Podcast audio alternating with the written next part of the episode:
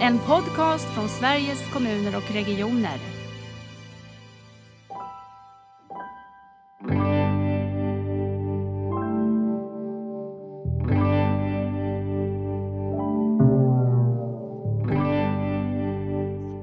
Och, och eh, jag tänker så här att just att hitta, hitta det vi har gemensamt, tänker jag, är en viktig del i den här rörelsen.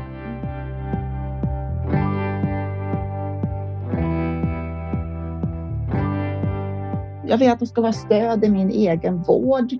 Eh, jag vill att jag ska kunna känna att eh, det, det, det är någonstans jag kan vända mig för att helt enkelt bara må så bra och fungera så bra som möjligt i min vardag. Det ska inte vara krångligt att nå den, det ska vara lätt.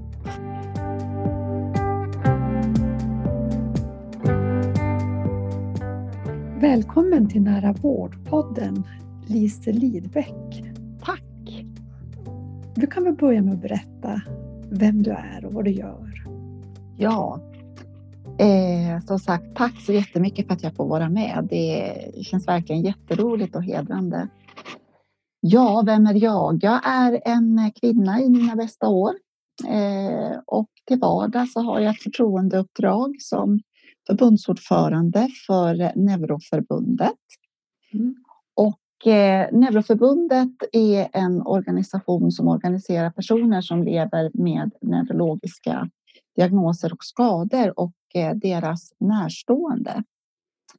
Jag lever för övrigt själv också med en neurologisk diagnos, en eh, så kallad motorneuronsjukdom, en neuromuskulär sjukdom som gör att mina muskler förtvinar och eh, den diagnosen har jag haft nu i snart 30 år. Och eh, numera så tar jag mig fram med hjul för att kompensera muskelsvagheten. Och eh, om jag ska ta berätta lite också om vad Neuroförbundet är för någonting. För just neurologiska diagnoser som vi organiserar då, de är faktiskt inte så kända ändå ute i samhället. Jag gör det. Jag vet att du gjorde det en gång när vi träffades och, och jag tyckte det var väldigt lärorikt att, att förstå vilka är det som är personer hos er i neuro. Ja. Den vanligaste diagnosen som vi har hos oss det är MS, multipel skleros. Och eh, det är en diagnos som faktiskt är den vanligaste orsaken till funktionsnedsättning hos eh, med unga människor i arbetsför ålder. Och eh, den diagnosen kan idag också faktiskt behandlas ganska framgångsrikt jämfört med hur det var förr när vi bildades för 65 år sedan. Då fick nästan alla som drabbades av den diagnosen ganska omfattande funktionsnedsättningar och mm. eh, på sikt så kunde det bli kanske så att man inte kunde vara hemma längre om man var väldigt hjälpbehövande och så. Och eh, idag så har, och tack vare forskningen då, så har man nu tagit fram väldigt mycket bra läkemedel då som gör att framtidsutsikterna ser helt annorlunda ut. Jag brukar ibland säga det att just den här utvecklingen inom neurologin som alltså är läran om hjärnan och nervsystemet. Den sker just nu rekordsnabbt. Mm. Och eh, vi brukar säga det att 90 procent av det som eh, vetenskapen och vi själva kan om hjärnan, det har vi lärt oss de senaste 20 åren. Tänk. Så att MS är en vanlig diagnos hos oss. Sen är väl Parkinson, ALS är en sådan diagnos för att nämna några. Det finns egentligen tusentals olika neurologiska diagnoser. Men många av dem är inte så kända, vilket vi då tycker är väldigt tråkigt. Eh, den här typen av diagnoser de är oftast obotliga, livslånga och eh, kan som sagt vara ofta bidra till ganska omfattande funktionsnedsättningar. Om man räknar med i snitt att eh, de här diagnoserna kostar samhället mer än all cancer, diabetes och hjärt och kärlsjukdomar tillsammans om man nu ska räkna med samhällskostnader och mm. även för individer. Hur många medlemmar är ni? Vi är idag ungefär 13 000 medlemmar, men vi skulle kunna vara väldigt, väldigt många fler. I, eh, man räknar med att i Sverige så är det minst 500 000 personer som lever med någon form av diagnos som rör just hjärna och nervsystem. Och beroende på hur man räknar så ska man också kunna säga att det är betydligt fler. Så vi har en hög potential att kunna växa. Just det. Eh, för min kunskap, de som drabbas av en förvärvad eller en hjärnskada som är förvärvad, finns de också i er, eh, er organisation? Eller?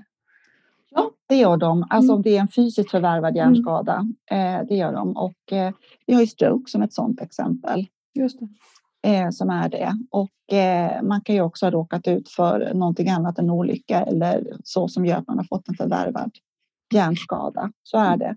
Däremot så har vi inte med neuropsykiatriska diagnoser hos oss, utan där är det andra förbund som organiserar de grupperna. Men vad gör att du har valt att engagera dig och är ordförande? Vad är det som driver dig? Vad vill du? Åh, det som driver mig, det är förändring. Och eh, jag ska börja från början. Mm. Eh, själv blev jag medlem i, eh, i mitt förbund faktiskt redan när jag satt i väntrummet 1990 och eh, hos neurologen på Karolinska och eh, väntade på min egen diagnos. Mm. Det stod ett broschyrställe eh, på bordet intill och där fanns det då en beskrivning då på en organisation då som kunde finnas till som ett stöd då för sådana diagnoser som min och då tänkte jag direkt att jo, men här vill jag bli medlem för att kanske få träffa någon annan som jag. Men där och då så engagerade jag mig faktiskt inte direkt utan det gick ganska många år. Jag fick eh, mina barn och jag hade fullt upp med jobb och annat så att det blev liksom aldrig av att engagera mig. Men sen så drabbades mina egna föräldrar av neurologiska diagnoser eh, för ungefär 13 år sedan. Mm. Eh, och eh, båda två gick bort i förtid. Och det jag upplevde under deras sjukdomstid. Det är mycket av det som jag fortfarande har väldigt svårt att tänka på. Alltså hur trassligt det var i eh, vården, hur det är för närstående, eh, hur olika det fungerar ute i landet eh, med ojämlik tillgång till allt ifrån den bästa sjukvården till att få hjälp i hemmet och mm jag bestämde mig verkligen när både mamma och pappa var borta för att nej, nu vill jag börja engagera mig på allvar det. Eh, i det här. Jag vill vara med och påverka. Det finns så mycket vi kan förbättra. Mm. Så då tog jag telefonen och ringde upp till mm. NOR och eh, berättade att hej, här är jag och eh, jag vill gärna bidra på något sätt. Vad, vad kan jag göra? Så att de fångade upp mig och eh, bara något år senare så blev jag invald i förbundsstyrelsen och ytterligare sen efter den mandatperioden så 2013 så fick jag det stora hedrande uppdraget att bli förbundsordförande och eh, det har jag varit sedan dess. Oh, fantastiskt. Ja, och det är, det är ett fantastiskt uppdrag. Eh, det är hedrande och det bästa av allt är alla dessa människomöten. Alla dessa möten med människor, patienter, beslutsfattare och alla har de gemensamt någonting och att vi vill någonting bättre det är verkligen helt fantastiskt. Tycker du att, du, att eh, det händer saker? Det händer saker. Ja. Och det händer saker hela tiden. Eh, men det går för långsamt, kan jag tycka. Mm. Vad, tycker du, vad har de, vad är högst på agendan nu? Vad tycker du är allra viktigaste och som du ser som det stora engagemanget kring? det som ligger absolut högst på agendan och det har den faktiskt gjort i alla år sedan jag började engagera mig i neuro. Mm. Och eh, det är det här med tillgången till rehabilitering. För att just för många av dem som exempelvis då har neurologiska diagnoser, och det här gäller också många andra patientgrupper, så är den viktigaste behandlingsformen just rehabilitering som är eh, individanpassad. Mm. Och den ska också vara livslång eh, med tanke just på att man lever väldigt länge med de här diagnoserna. Och det är det som gör att man upp, upprätthåller funktioner år efter år och fungerar så bra i sin vardag som bara är möjligt. Och det här är ett område som har varit väldigt styvmoderligt eftersatt i många, många år mm. utav regioner och kommuner. Man har valt att lägga resurserna framför allt på sjukdom som redan har uppstått snarare liksom än att förebygga och, och, och upprätthålla. Och det tycker vi är väldigt, väldigt synd. Hur kan det se ut? Beskriv, hur kan det se ut? Vad är det, vad är det som inte kommer till eller vad är det ni, era medlemmar möter? Ja.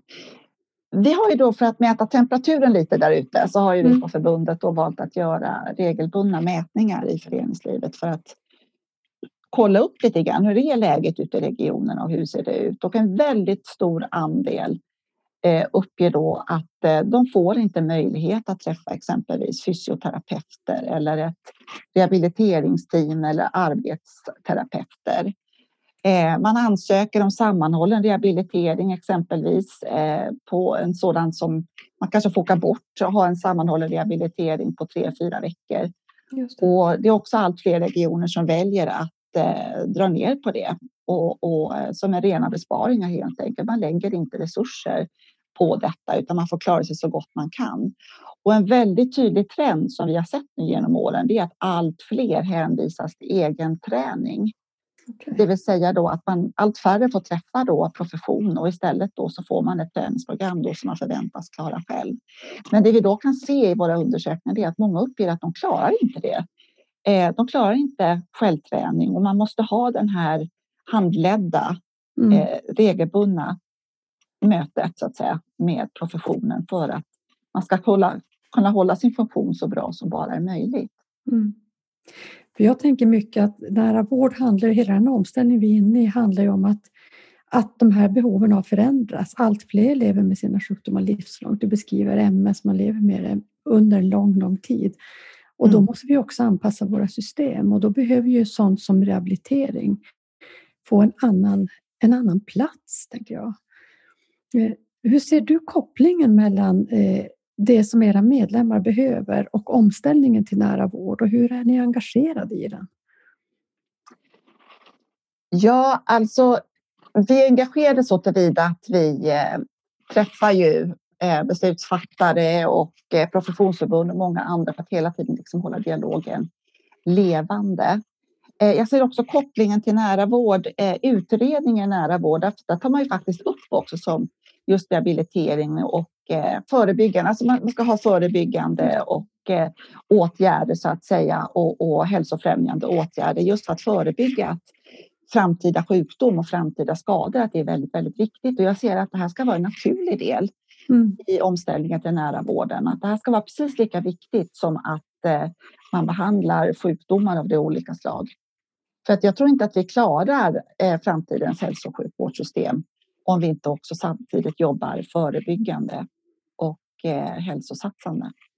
Nej, verkligen inte. Och jag tänker också det här att det är ju, det är ju att inse från hälso och sjukvården att, att hälsa och livet pågår ju någon annanstans. Den pågår ju inte i hälso och sjukvård och då måste vi främja att man kan leva ett gott liv och att se det som sin uppgift. Eh, där jag tror att vi har eh, ganska mycket av invanda mönster att brottas med. Vi är ju vana att träna på de helt andra sakerna. Att bota och att vara i den akuta logiken på något sätt. Ja, men precis. Och det är så lite grann det blir. Och sen växer det också fram, tycker jag, helt nya grupper som har stora rehabiliteringsbehov. Eh, det ser jag inom mig, eh, inom mitt eget fack där, inom den neurologiska, att människor lever mycket längre idag mm. Eh, med de olika diagnoserna och där rehabiliteringen verkligen får en central roll. Men jag tänker också exempelvis de nu då som har genomgått en svår covid-19. Där ser vi också en helt ny grupp som har fått stora behov och eh, det har väl aldrig egentligen, och det är väl ett av de här goda sakerna ändå som, som den här pandemin har fört med sig, att eh, rehabiliteringen ändå på något sätt har kommit till agendan på ett sätt som det inte har varit tidigare. Och det ser vi som väldigt, väldigt positivt. Mm. Jag tänker, har du, ser du några ställen, har ni några förebilder? Vi brukar försöka samla det som är lärande exempel. Vi tänker att vi kommer att driva den här omställningen också, både att lyfta det som är svårigheterna och få människor engagerade, men också att berätta de berättelser att det här faktiskt går att göra på andra sätt. Eh, har, ni några såna, har du några exempel där du ändå känner att här tar man steg? Ja, alltså det finns ju naturligtvis goda exempel om man tänker igenom. Eh, om man nu till exempel tar en sån sak som sammanhängande rehabilitering, mm. det vill säga att man får en intensivrehabilitering förlagd på tre, fyra veckor. I Sverige så, så har vi ju eh, då våra regioner som behandlar de ansökningarna, i vissa fall kommunerna då beroende på vem som är ansvarig, vilket då gör att det blir väldigt ojämlik tillgång i landet. I Norge som vi gärna tittar över, där har man där har man uttagningsenheter. Alltså man har det lokaliserat då till Rikshospitalet i Oslo exempelvis, då, där man behandlar både utlandsrehabilitering men även sammanhållen inneliggande rehabilitering. Det är alltså en nationell fråga och då går remisserna dit ifrån hela Norge och det behandlas på ett och samma ställe. Eh, det tycker vi är intressant och vi vet också mm. att all, många fler norrmän har tillgång till rehabilitering än vad vi har i Sverige. I alla fall när det gäller neurologisk rehabilitering. Eh, sen tänker jag också att eh, andra eh, har tagit på sig en del ansvar i det här med rehabiliteringsdelen. Eh, privata initiativ som har tagits, organisationer som har startat igång olika typer av eh, träningsmöjligheter på olika sätt. Nu under pandemin exempelvis så eh, är vi många organisationer som har anordnat digitala träningspass eh, mm. för våra medlemmar nu när de har suttit hemma. Någonting som vi gjorde nu på Neuro, det var, som har varit jättepopulärt, det är sitt Zumba som mm. anordnas varje tisdag som våra medlemmar från hela Sverige då kan koppla upp sig på och sitta hemma och vara delaktiga i. Mm. Men det är klart. Neuroförbundet eller? Ja, precis. Jaha. Eh, mm. det är Neuro Malmö som eh, var initiativtagare till detta och mm. Eh, det fantastiska just med digitaliseringen är att nu är det då inte bara enkom för Malmös medlemmar utan medlemmar från hela Sverige kan koppla upp sig på de här passen. Mm. Och det är jätteroligt. Och det är klart att det kan inte ersätta rehabiliteringen med en profession. Det, det, går inte. Men jag tänker att man måste ha alla delar och jag tror att det kan bli bättre att samverka här. Men sen måste jag ärligt säga att eh, tyvärr kan jag inte peka ut någon särskild region eller kommun där man har jobbat extra bra med den här frågan, utan jag hoppas att vi snart får se det. Ja, precis. Så skulle jag vilja och kanske säga. vara på lite span och se om man kan stimulera det arbetet på något sätt. För det är som du säger att det har ändå blivit mycket större fokus på rehabilitering så vi skulle verkligen kunna, eh, kunna se till att stimulera det på olika sätt. Jo, men jag tror det också. Mm. Och eh, generellt kan man väl säga att storstadsregionerna är bättre. Eh, och det kanske inte är så konstigt än, eh, än vad man är de mindre regionerna. Men eh, kan man säga någonting generellt så brukar vi säga det ibland på Neuro att att norr om Uppsala, från Uppsala och, och uppåt så är det svart på kartan. Oj, oj. Så det är Jag tänker här är väl också, vi måste tänka helt nytt, tänka hur kan vi göra om det nu är små kommuner mindre regioner, hur kan vi faktiskt samverka tillsammans, kommun, region och kanske civilsamhället för att få ihop eh, ja. insatser? För att det måste ju ändå finnas en jämlikhet i, i vården över landet. Mm. Det är jättesvårt att, eh, att komma åt det där med jämlikheten faktiskt. Mm. Eh, och eh, både vi och även fysioterapeuterna och, och jag tror även arbetsterapeuterna, vi har ju framförallt, eller vi har ju då framfört till exempel att det skulle vara bra om man kunde tillsätta en nationell samordnare eh, som eh, kunde då verka för en jämlik och mer kunskapsbaserad rehabilitering och hög kvalitet. Och jag tänker verkligen att vi måste samverka i det här mm. över alla nivåer eh, mm. och i stort och smått för att det här verkligen ska fungera. Mm.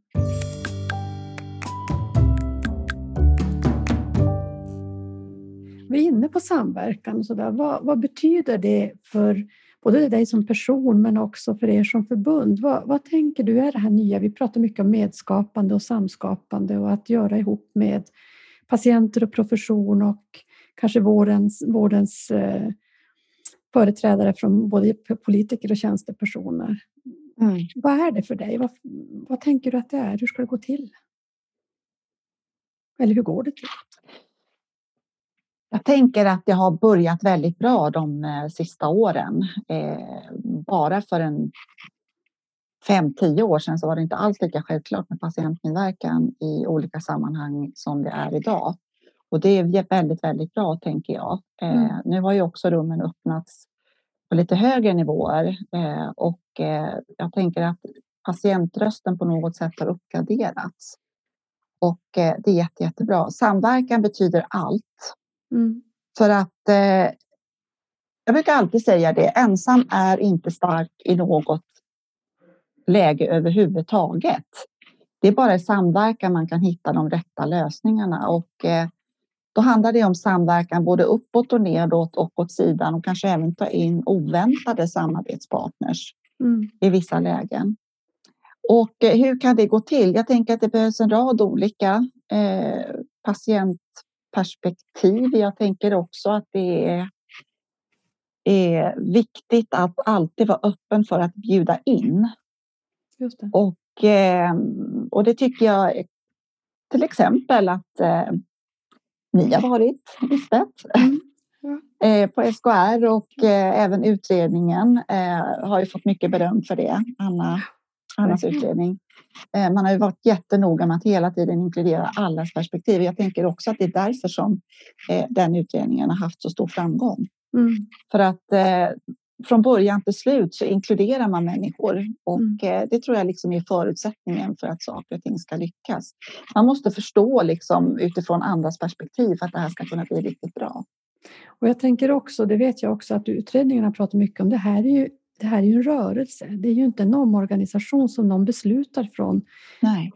ställe högt upp, utan det är någonting som vi måste göra tillsammans. Och då är mm. klart, måste vi ju förstå varandras perspektiv, men vi måste också hitta formerna för hur vi driver de här eh, frågorna framåt gemensamt. Eh, just den här rörelsetanken, den är jag ganska attraherad och smittad av. Därför jag mm. tänker att det där har vi ju lite i generna i Sverige med folkrörelser och, och en organisation som till exempel din är ju en del av det civila samhället och, och den rörelsen. Och hur kan vi få ihop det här? Ja, men precis. Och, och eh, jag tänker så här att just att hitta, hitta det vi har gemensamt, tänker jag, är en viktig del i den här rörelsen. Mm. Eh, på Neuros har vi alltid varit väldigt måna om att samverka, både med andra organisationer men, men också med myndigheter på olika sätt. Och i samverkan ligger det också ett, en väldigt viktig sak, tänker jag. Ehm, det händer att jag hör, men inte så ofta längre, men det händer ibland att jag hör när beslutsfattare brukar säga att ja, men patientorganisationerna, de vill vi helst inte ha in, för ni har bara massa synpunkter och klagomål. Mm. Men jag hoppas verkligen att den synen har förändrats för att eh, det, det, är liksom inte riktigt vår roll längre att vara det, utan det är verkligen i det här samskapandet, i samverkan vi kan skapa någonting verkligt bra. Och eh, med den eh, inriktningen går vi också in i alla samarbeten, både med andra organisationer och eh, just då med myndigheter och beslutsfattare och andra. Mm. Och jag tänker också att just att hitta det gemensamma. Vi samverkar ju gärna till exempel med Hjärt och lung och Reumatikerförbundet och en rad andra organisationer när det gäller rehabilitering för att ta upp någonting. Ja. Eh, för att det behöver inte alls vara så att det är diagnoser som binder en samman, utan det är så mycket annat. Och vi har en sak gemensamt alla och det är att vi är människor och mm. att vi alla är patienter på ett eller annat sätt. Så mm. att just liksom att hitta det här gemensamma, att utgå från det, att utgå från mänskliga behov och försöka liksom ta tillvara på den kunskap som ligger i det och engagemanget för att bygga en bra välfärd och en bra hälso och sjukvård. Jag tror ju också, jag har alltid har ju också varit i andra typer av organisationer. I, jag har funnits i Vårdförbundet som är en facklig och professionsorganisation, men jag har alltid tänkt att framgången ligger ju inte att söka motsättningarna. Framgången ligger i att försöka se vad har vi gemensamt och vart vill vi? Och hur tar vi de stegen? Och jag tycker också när man nu har ett stor del av sitt yrkesliv bakom sig, att man kan se att det ger ju också resultat. Mm. Jag tycker ändå att, att det, om jag nu ska klä mig i vårdens roll, så tycker jag att det, det vi behöver mycket mer, det är att sätta på oss eh, vad ska jag säga, invånarnas och patientens eh, glasögon. Alltså det här med, med att sätta i centrum istället, och istället tänka mycket mer på att verkligen ha det perspektivet. Eh, det kommer vi inte kunna göra om vi inte gör det här tillsammans. För det är det som händer i mötena när, när de som faktiskt behöver tjänsterna eh, säger att men så här upplever vi det, så här ser vi det. Det händer någonting i, i de som jobbar i hälso och sjukvård också. Även om vi möter patienter varje dag så är det ett mm. annat sätt när vi får börja prata om det på det sättet. Det ja, men precis. Och jag kan tänka mig att det är Alltså omställningen är svår och det varierar så otroligt mycket tycker jag också.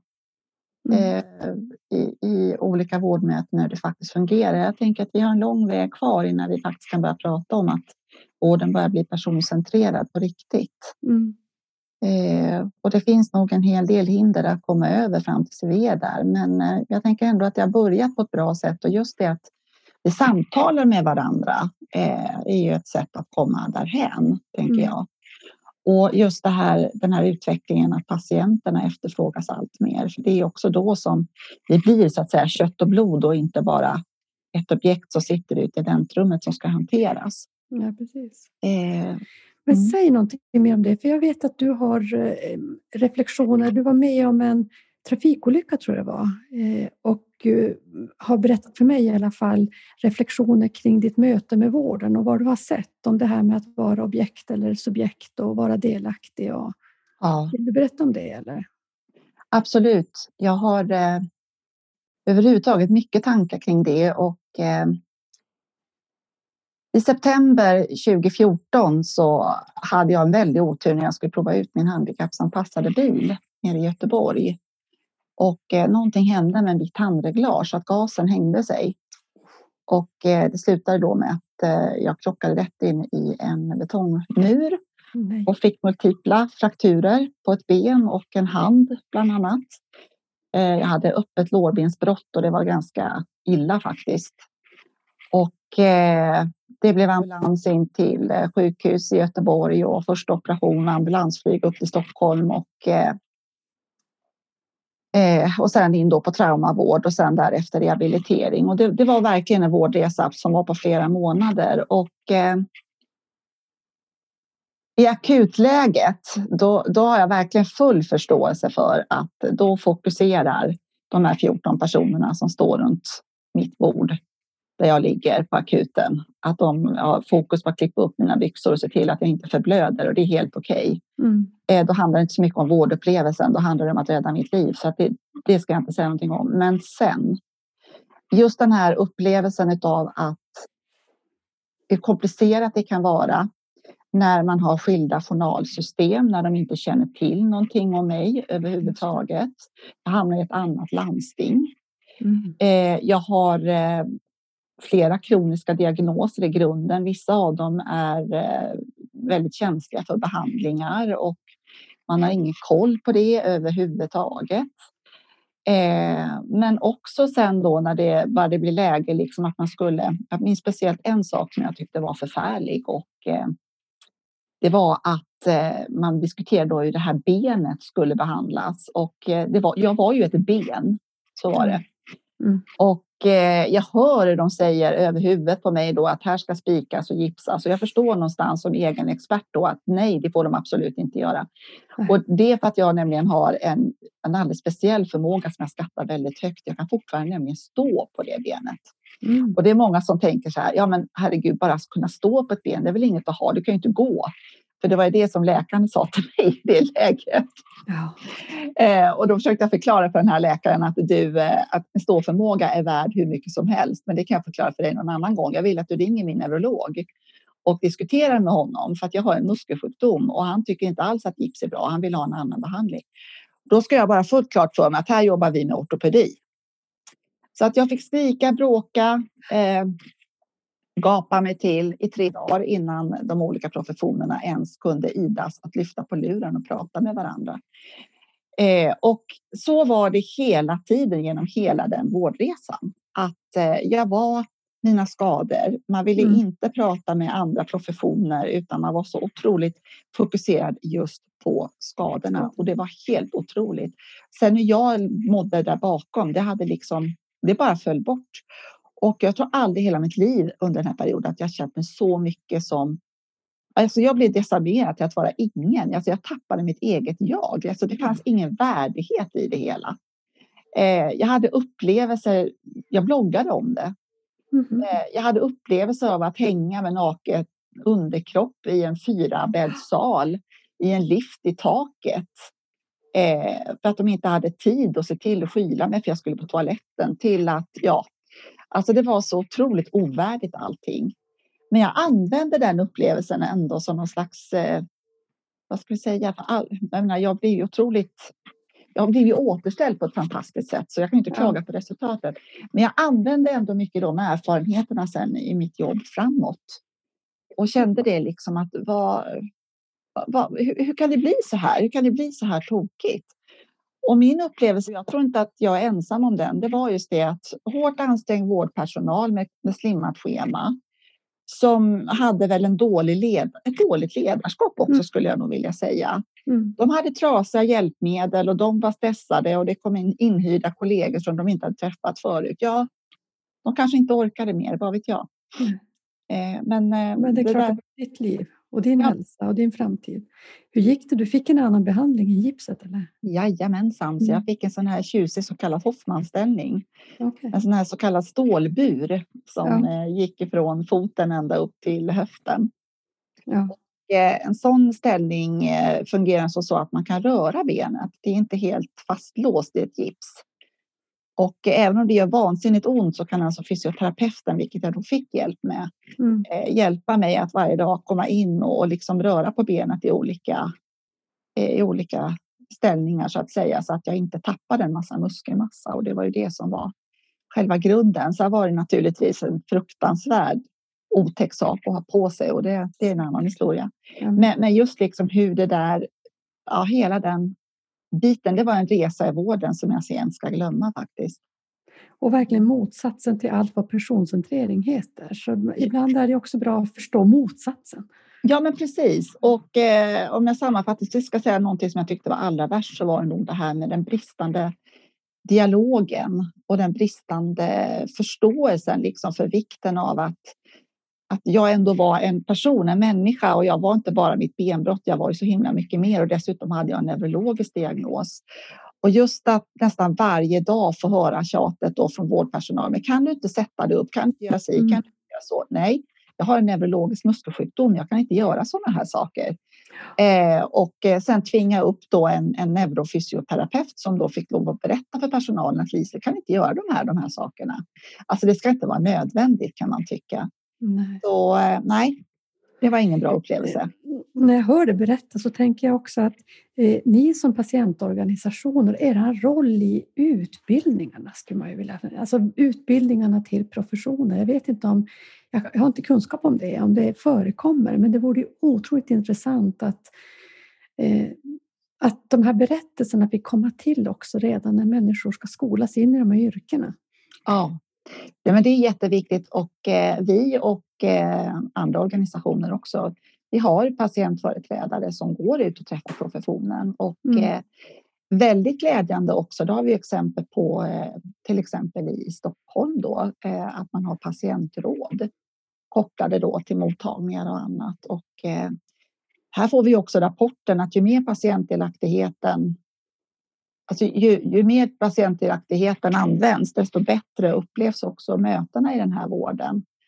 Och eh, det är verkligen vår uppfattning att ju högre upp man kommer liksom inom specialistnivåer och, och annat, desto bättre fungerar det och desto nöjdare blir patienterna. Man jobbar multiprofessionellt och mm. man jobbar teaminriktat och, och där patienterna är en naturlig del i teamet. Och våra patienter då går ju också då, eller våra medlemmar då, eh, vi har då eh, personer då som har använt intresse då som har fått en viss utbildning då som går ut och berättar om hur de lever med den här diagnosen och de besöker även skolklasser och och, eh, och håller också föreläsningar. Mm. Det, det tycker jag är jätteviktigt. Det är viktigt liksom att få kött och blod bakom. Absolut.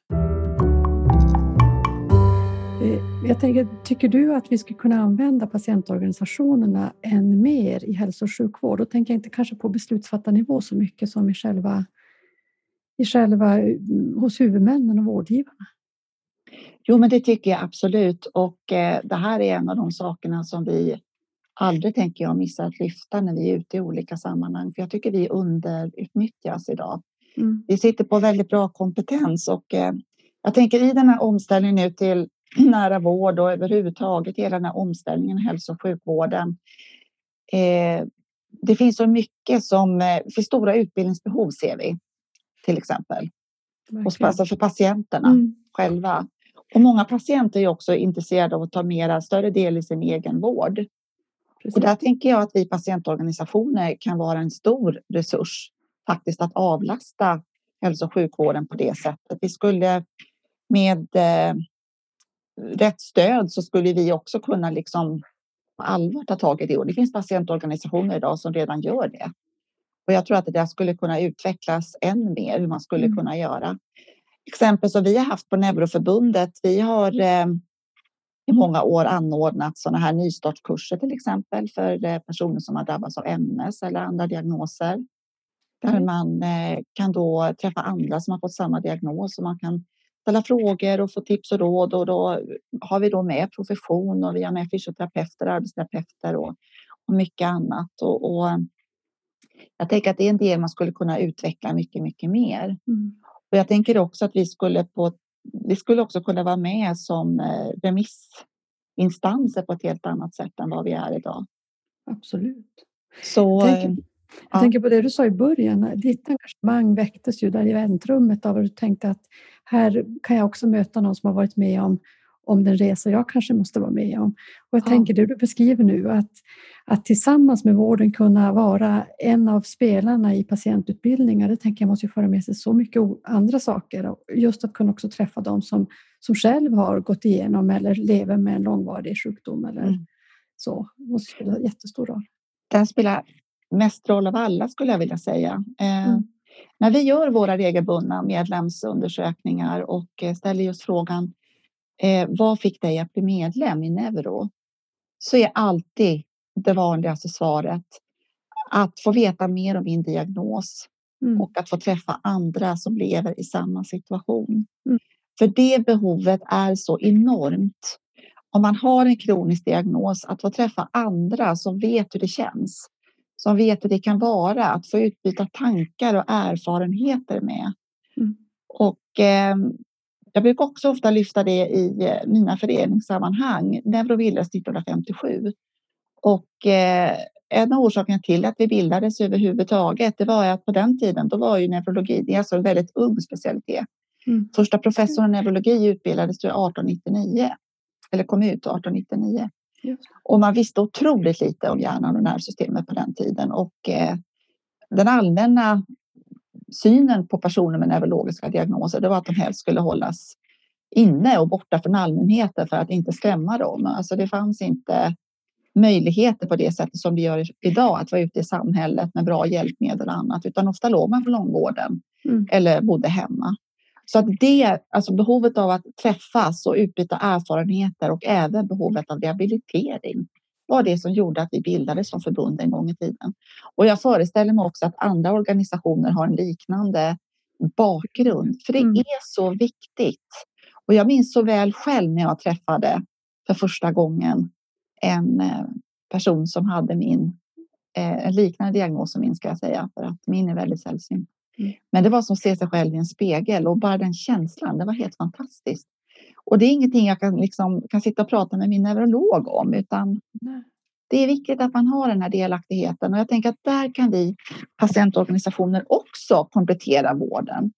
Att eh, vi kan ju erbjuda sådant, olika typer av möten och annat.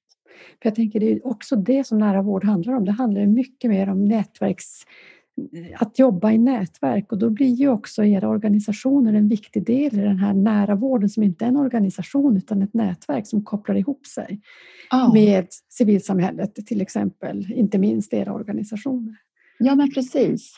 Så att liksom hela människan kommer med, alla liksom delar och alla behov. Det är precis. jätteviktigt.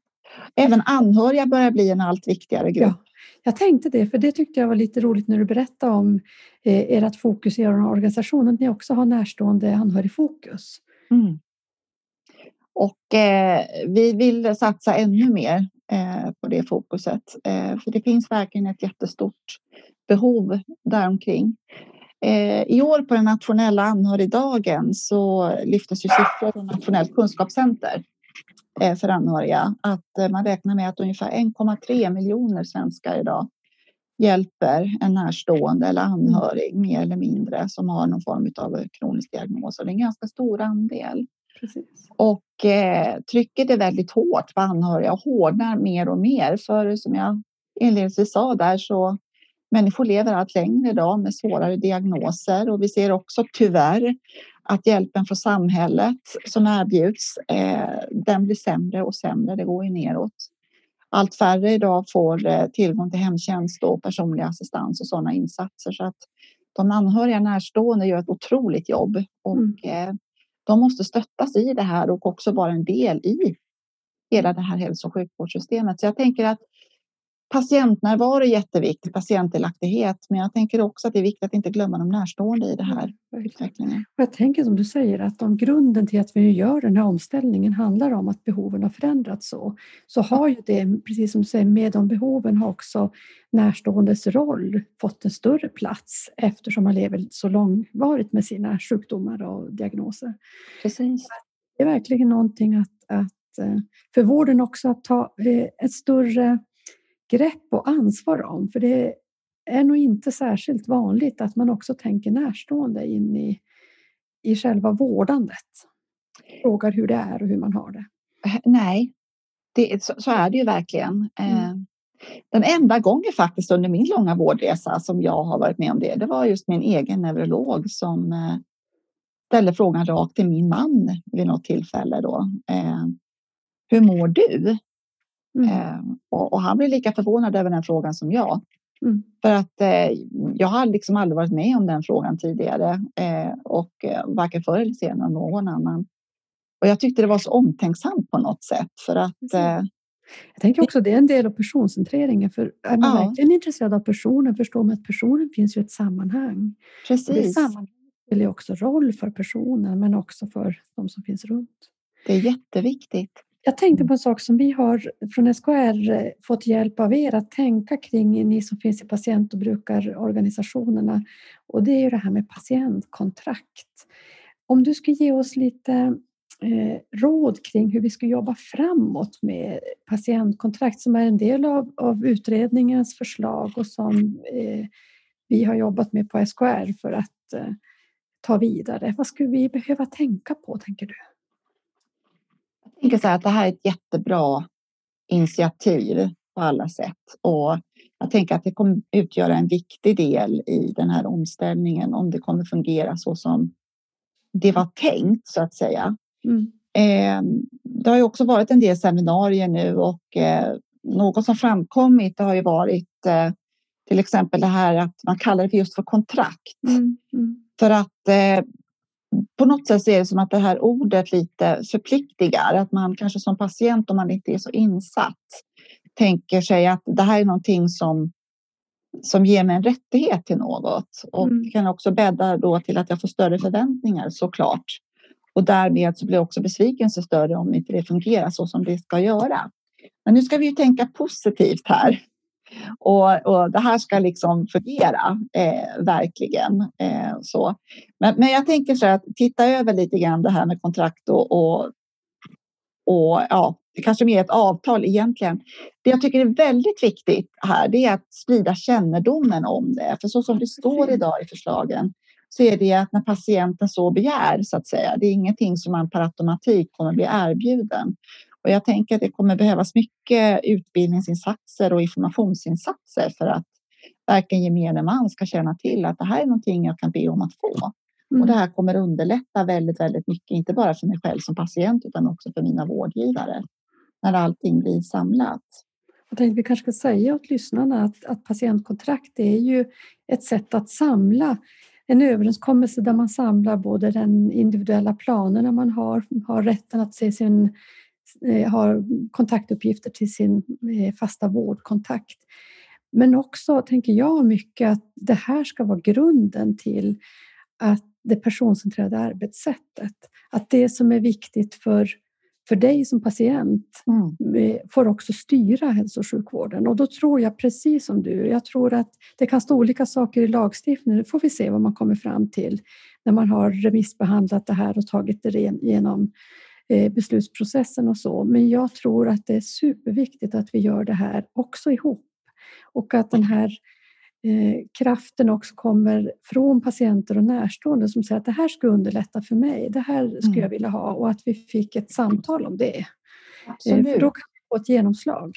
Annars ja. det är ju inte genomslag bara för att det kommer att stå någonstans i någon lagstiftning eller i ett eh, utan det måste hända på något sätt i vardagen och då måste vi som behöver, de som behöver det um, kunna efterfråga det också.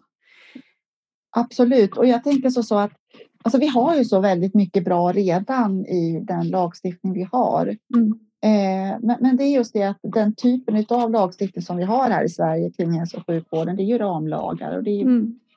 Skapar ju också mycket tolkningsutrymme och sen det faktum också att vi har 21 olika regioner trots allt gör ju att det kan se väldigt olika ut. Mm. Men jag tror verkligen på att patientkontrakt kan bli en, rikt, en viktig, och del, viktig del i, i den personcentrerade vården framöver. Och just det här att få den här individuella planen och även att det tas med rehabiliterande och förebyggande mm. insatser. För mig som patient så känns det tryggt att ha allt det här samlat.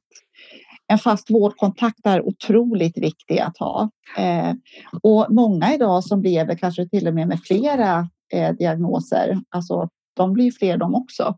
Mm. som både har två tre olika kroniska diagnoser. De mm. kanske till och med behöver ha flera olika eh, fasta vårdkontakter. Mm. Och det ideala är ju då att alla har tillgång till eh, de här uppgifterna som finns här i kontraktet. Så att jag tror att det här kan bli riktigt bra. Men, men jag tänker återigen samverkan och att det här verkligen blir någonting som slår igenom. För alla kommer att vinna på det om det fungerar så som det var tänkt. Inte bara patienterna utan även vården. Nej, men, oh, ja, visst. Eh, så det här tänker jag, det är verkligen en fortsatt eh, arena för att, att jobba fram det här ihop. Jag tänker, Lise, vi ska börja avrunda. Eh, jag skulle vilja att du fick drömma lite grann framåt om framtidens nära vård? Hur ser den ut? Vad skulle du vilja säga kring det? Ja.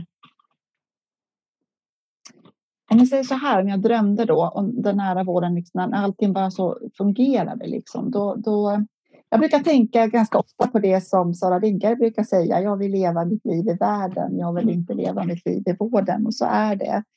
Eh, vården ska inte finnas i mitt liv eh, förutom när jag behöver den. För att för att för mig är ju vården då eh, ett viktigt... Alltså, mina vårdkontakter kommer vara mitt team som jag behöver för att må så bra som bara är möjligt liksom i mitt eh, vanliga vardagsliv. Eh, jag drömmer om att jag har ett team omkring mig eh, som jag kan som jag kan liksom konsultera när, när det är saker som jag inte hanterar själv. Men, men liksom lite grann som att det är jag blir en naturlig del i det där teamet och, och de finns där när jag behöver dem. Och, eh, och i, den här, i de här sammanhangen så, så är jag en helhet. Eh, det låter kanske lite snurrigt när jag säger det, men, men jag har det mer liksom i mitt huvud. Jag känner också att det blir... Eh, jag vill att de ska vara stöd i min egen vård. Jag vill att jag ska kunna känna att det, det, det är någonstans jag kan vända mig för att helt enkelt bara må så bra och fungera så bra som möjligt i min vardag. Det ska inte vara krångligt att nå den, det ska vara lätt. Eh, det ska inte vara som idag eh, när jag har fem veckors väntetid bara för att träffa min läkare på vårdcentralen. Eh, jag ser också att det ska finnas många möjligheter att nå eh, vården när jag behöver den. Inte bara i fysisk form som det är idag utan det finns så många andra former att vidareutveckla. Och Eh, jag känner också att jag ska vara en del av den vården som, som patient i den nära vården. Oh, vilken eh, fin sätt att beskriva nära vård, tänker jag. Tack så mycket för den. Ja. Jag tänkte också att du skulle få en fråga vi brukar ha i slutet. Om du får tänka på ordet nära. Vad är det för dig? Oh, nära har väldigt många olika betydelser för mig, men eh, nära är någonting ändå som jag förknippar med, med vardagligt och någonting intimt. Någonting liksom som, som finns där i eh, mer eller mindre mitt dagliga liv. Och det är klart, jag vill ju inte att vården ska finnas där i mitt dagliga liv, i alla fall inte varje dag kanske, men när jag behöver det. Men i alla fall, liksom det, det är någonting som, som jag har någon... Eh, ordet nära, det är en intim relation. Det finns med i någon form av intim relation eller någon situation som är, ligger mig väldigt nära. Det var svårt att förklara det där. Nej, men det, jag. jag. Eh, det handlar om relationer, skulle jag också vilja säga. Mm. Väldigt mycket. Relationer som jag har med människor och, och i olika sammanhang. Situationer. Tack Lise för eh, att du delar med dig så mycket. Tack för ett jättefint samtal och för att du ville vara med i Nära vårdpodden. Tack så jättemycket för att jag fick vara med.